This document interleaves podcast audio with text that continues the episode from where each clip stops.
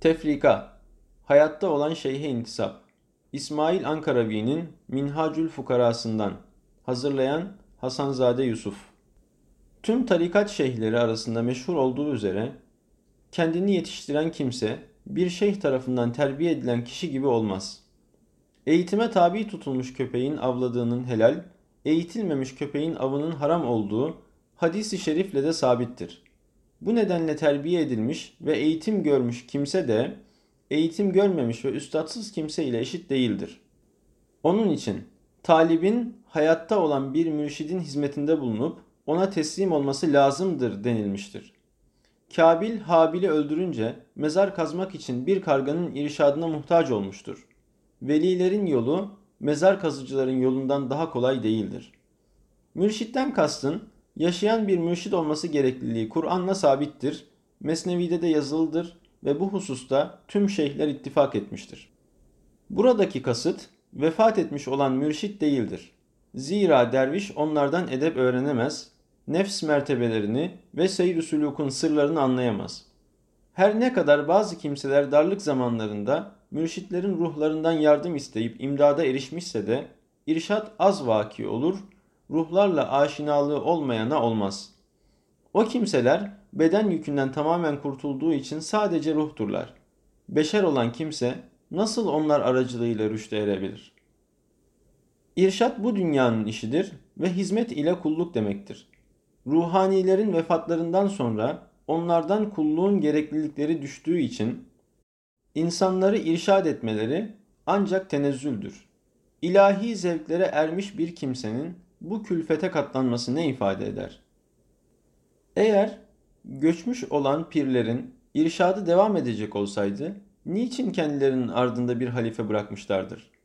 Hususen peygamberlerin en faziletlisi, en kamili Hz. Peygamber sallallahu aleyhi ve sellem ümmetimin irşadı için kimseye ihtiyaç yoktur. Ben hayattayken nasıl irşad ettiysem vefatımdan sonra da aynı şekilde irşada devam ederim. Mana aleminden ümmetim irşad ederim demedi.'' Eğer vefatının ardından yaşayan bir mürşit lazım olmasaydı böyle söyler, halife seçmez ve kendinden sonra gelenlere, bilginlere ve muallimlere ümmetini yönlendirmezdi. Ayrıca Hz. Mevlana'nın hiçbir kelamında vefat etmiş pirlere biat edin, onlara teslim olun ve onlardan edep öğrenin şeklinde bir tavsiye de yoktur. Kitap mürşittir diyenlere gelince, söylesene kardeşim, şu kitabı bir makama koysan, hiç sana mürşitlik edebilir mi? Bin yıl orada dursa kimseye faydası olmaz. Ancak biri açıp da manasını sana naklederse o başka. Öyleyse kitap alet, hayatta olan mürşit oradan nakledendir. Peki kitaptan bilgileri nakletme kuvveti olan herkes mürşit midir sorusu akla gelirse. Mesela tefsir bilen, mesnevi okuyan kimse mürşit midir? Sadece kitaptan nakil yapan kimse hakikatte mürşit değildir. Ancak o kitabın gerektirdiği şekilde amel eden, orada beyan edilen mertebeleri ve halleri geçmiş kimse mürşittir. Sadece lafzı bilen lafız mürşidi olur. Yoksa halin hakikatini bilemez. Çok kimseler vardır ki kimya, simya ilmini kitaptan öğrenmiştir. Onu kimyager sanırsın ama yoksulun biridir.